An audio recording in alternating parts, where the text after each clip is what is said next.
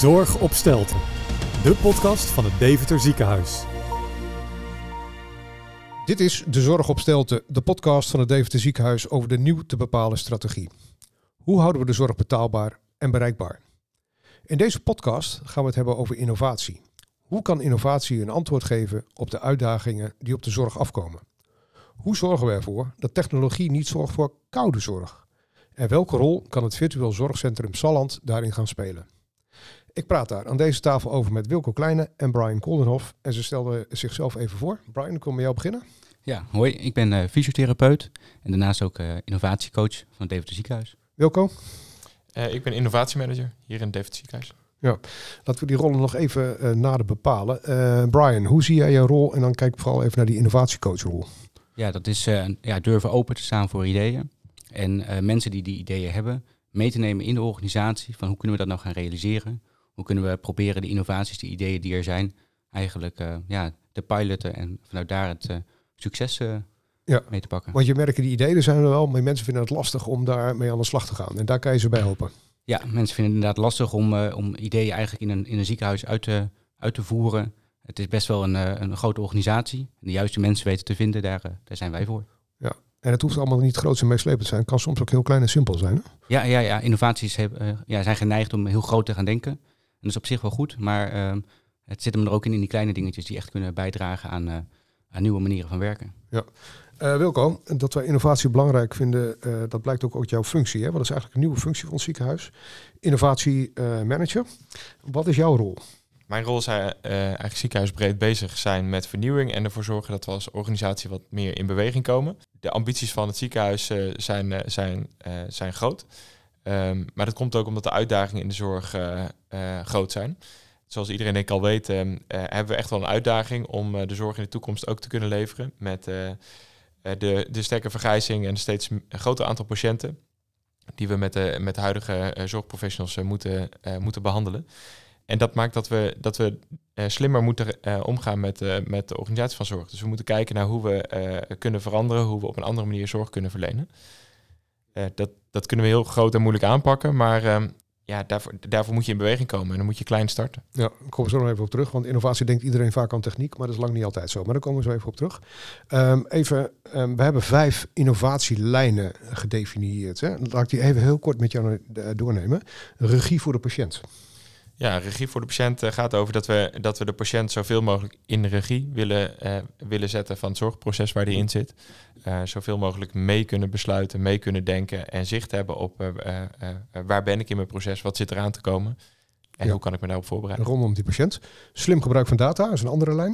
We hebben heel veel data beschikbaar over patiënten in het EPD, maar ook vanuit medische apparatuur en wearables on, ontstaat steeds meer medische data we zijn van overtuigd dat we daar heel veel meer slimme dingen mee kunnen doen. Uh, dus dat willen we vanuit die innovatielijn uh, ja. ontdekken. De derde is zorg thuis. Ja, het is een uh, bekende ontwikkeling hè, dat we steeds meer um, wat we tot op heden in het ziekenhuis deden, kijken of we dat bij de patiënt thuis of dichter bij thuis kunnen doen. Um, fysiek thuis, door met verpleegkundigen die kant op te gaan. maar soms ook digitaal, dus digitaal op afstand. Ja, vierde slimme kliniek. Um, veel van wat we nu doen, blijven we ook in het ziekenhuis doen. Uh, dus we moeten ook in het ziekenhuis zelf kijken hoe we daar de sli zorg slimmer kunnen organiseren. Dus hoe kunnen we verpleegkundigen beter equiperen uh, uh, om het werk in de, in de, in de kliniek hier beter te doen. Ja, en tot slot samen in de regio? Um, de zorg in de regio organiseren we samen. We hebben met onze partners als Salland United elkaar al gevonden. En we, we werken daarin intensief, intensief samen. Um, uh, maar we ondersteunen dat nog niet altijd vanuit technologie en vanuit digitalisering. Dus samen in de regio gaat bijvoorbeeld over informatieuitwisseling en met elkaar samenwerken. Ja, even terug waar we het net over hadden, hè, van die innovatie. Want iedereen heeft het dan over hippe tools, uh, eh, AI, apps, uh, robots. En daar zitten mensen vaak helemaal niet op te wachten. Hè. Zeker de oude populatie vindt het allemaal veel te ingewikkeld. We moeten ook even heel helder hebben. Innovatie is niet alleen techniek. Innovatie is ook omgaan met elkaar, uh, samenwerken, slimmer werken. Dat zijn echt twee zijdes van een medaille, toch? Zeker, zeker. Nou, twee zijdes. Het zijn dingen die, die echt samen gaan, die, die samenkomen. Uh, uh, we willen vanuit innovatie vooral kijken hoe kunnen we slim organiseren. Hoe kunnen we uh, naar de toekomst toe de zorg op een andere manier organiseren. Hoe kunnen we slimmer met elkaar werken. dat gaat wel over veranderen. En vaak komt daar ook wel technologie en digitalisering bij kijken. Ehm, ehm, maar dat is zeker niet altijd het vertrekpunt. We willen vooral kijken naar hoe kan het anders en hoe kunnen we daar gebruik maken van alle mogelijkheden die er tegenwoordig zijn. Ja, toch. Technologie is uh, niet alleen uh, nuttig, maar ook leuk, uh, Brian. en daar zijn ook al een flink aantal voorbeelden van. Hè, hoe je met innovatie die zorg echt kan veranderen. En dus ook je problemen kan oplossen op de arbeidsmarkt, handjes aan het bed. laten we eens een paar doornemen. Wearables. Ja, de potentie van wearables, Wilco zei het net al, data, is heel groot. Het geeft inzicht. we hebben in DZ nu twee ja, pilots lopen daarin. Eén pilot bij hartpatiënten, waarbij we gaan kijken van... Hey, data die, eh, die we terugkrijgen, wat, wat zegt het ons nou? En kunnen we misschien op die manier de revalidatie beter sturen, bijsturen? Of misschien is revalidatie helemaal niet nodig, omdat we zien uit de data dat het goed gaat. Uh, dus het zorgt voor de juiste zorg. Nou, en uh, denk ook aan het verbinden van de thuisomgeving van de patiënt met de revalidatieomgeving of met de ziekenhuisomgeving. Ja. Ik wil even een koppeling maken, want die data komt automatisch binnen. Die arts weet het al. Je hoeft niet allemaal meer te meten. En hij kan meteen ook in het gesprek gaan, want hij weet wat jij meemaakt, wat er is aan de hand met jou. Het gesprek in die kamer wordt er ook veel beter van. Ja, je ziet het. Hè. Uh, je, hebt eigenlijk koude data en je gaat samen met dat gesprek een warme data van maken, want je gaat er context aan geven. En je ziet dat je betere invulling met die gesprekken krijgt. Ja, iets, een slimme luier. Waar hebben we het dan over? Ja, dat, dat is een hele mooie innovatie die eigenlijk al is ingezet in de thuiszorg bijvoorbeeld en de gehandicaptenzorg. Uh, de potentie voor het ziekenhuis is ook aanwezig, waarbij patiënten een, luier omkrijgen die eigenlijk aangeeft wanneer die verzadigd is. En uh, dat voorkomt dat uh, medewerkers onnodig naar het bed van de patiënt moeten lopen en wakker moeten maken bijvoorbeeld, omdat die patiënt nog helemaal geen verzadigde luier heeft. Maar denk ook aan um, op het moment dat hij verzadigd is, als ze een seintje krijgen. En het voorkomen wordt dat patiënten op die manier een nat bed hebben, Um, ja, je zult als uh, familie aankomen en je, en je, vader of moeder in, in een nat bed treffen. Dat is natuurlijk, ja. heeft impact. Ja, het mooie daarvan is dat techniek dan ook weer aan, uh, aan uh, patiëntenzorg en hoe je dat goed doet raakt. Dat, daar komt het weer samen. Ja, innoveren moet, moet, moet die raakvlakken hebben, ja. Ja, VR-brillen zetten we ook in. Ja, bijvoorbeeld om patiënten op de spoed ja, in die angstige, stressvolle situatie even uit, die, uit de situatie te halen. Ehm, bij bloedprikken bijvoorbeeld ook eventjes. Um, uh, patiënten mee te nemen in een andere omgeving, waardoor het wat minder angstig wordt. Ja, er stond pas nog een prachtige post, had een uh, moeder ge, gepost van haar kindje die met een VL een, een prikje heeft. Ja. En dat fantastisch vond. Dat zijn natuurlijk mooie, mooie voorbeelden. Ja, ja dat, dat is niet eens reclame, maar dat is, uh, dat is de reden waarom we het doen. Ja. ja. Wilco, um, het woord viel net al, koud en warm. techniek, innovatie. Iedereen denkt altijd, de meest hippe tools hadden we het net over. Maar techniek wordt ook vaak als koud en onpersoonlijk beschouwd. Dat is een van de valkuilen uh, van techniek om die in te zetten in de zorg. Koud moet warm worden. Zeker. We moeten, we moeten technologie ook niet als uh, startpunt uh, gebruiken. We moeten het gebruiken om de zorg zoals we die zouden willen verbeteren, um, nou, verder, verder te verbeteren. Um, het mag er niet voor, voor zorgen dat, de, dat het, het koude zorg wordt. Het kan niet zo zijn dat we over tien jaar een ziekenhuis voor ons zien met, met alleen maar ro robots en detectiepoortjes en waar, waar geen mens meer aan te pas komt. Dat is niet, niet de innovatie of het ziekenhuis waar wij naartoe werken. Maar het moet niet een soort Schiphol worden waar ik door een detectiepoortje poortje ga als ik hier binnenkom en dat de arts al weet wat er aan de hand is. Dat, dat is niet jouw beeld van innovatie. Nee, nee, nee. in mijn beeld van innovatie um, willen we innovatie en technologie inzetten uh, om het werkplezier uh, van onze medewerkers te vergroten. Om de service voor onze, uh, onze patiënten te vergroten. Ik ben ervan overtuigd dat door inzet van digitalisering we hele grote stappen nog kunnen zetten. op het gebied van de servicebeleving van, van patiënten. in de buitenwereld, bij commerciële bedrijven, bij andere organisaties. zijn patiënten al veel meer gewend om met digitalisering, met apps en met virtuele wereld te werken. Ik denk dat we daar als ziekenhuis nog uh, heel veel stappen in kunnen zetten en dat het de patiënt heel veel kan brengen. Uh, en ik denk ook dat we aan de zorgprofessional kant, dus onze collega's hier in het ziekenhuis, echt nog heel veel meer kunnen helpen in hun werkplezier. Dat we een heel deel van de registratielast die er nu in de zorg is, dat we kunnen oplossen door technologie slim in te zetten. En dat is dus niet koude technologie. dat is technologie die die vervelende handelingen of die koude handelingen, hè, de registraties die verpleegkundigen en artsen moeten doen, uh, die bij de, uh, bij de zorgprofessionals weghaalt. Ja, Brian, dat is ook een van jouw speerpunten. Hè? Uh, als jij als coach optreedt, dat je zegt van die, die zorgprofessional moet in de lead zijn. Wij moeten niet als innovatiebureau dat gaan verzinnen voor iemand anders. Zij komen dagelijks tegen wat er aan de hand is. En als je die dagelijkse last weg kan nemen, Dan moeten ze dat melden en dan kun je aan de slag. Je wil het eigenlijk omdraaien. Niet van boven naar beneden, van beneden naar boven. Ja, precies. In een mooie term. Bottom-up eh, innoveren noemen we dat. Hey, eh, je ziet dat de zorgprofessional gewoon super ideeën heeft. En dat heeft te maken dat zij dag en nacht met die patiënten werken. Ehm, en dan hebben we niet alleen over verpleegkundigen, maar ook mensen in de roomservice.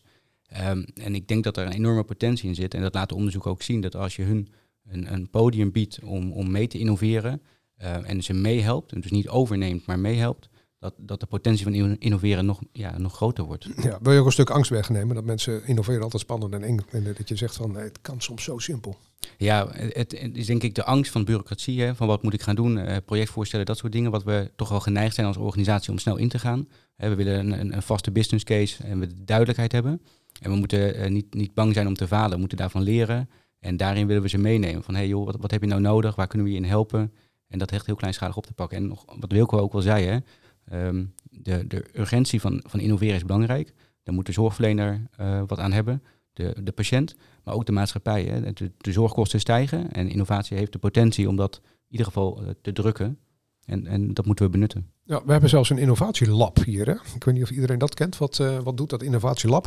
Ja, het innovatielab helpt eigenlijk eh, ehm, mensen die een idee hebben, deze door de organisatie heen te krijgen. Ehm, gaat met patiënten of met mensen eigenlijk in gesprek. Hè. Dat kunnen patiënten zijn, zorgverleners.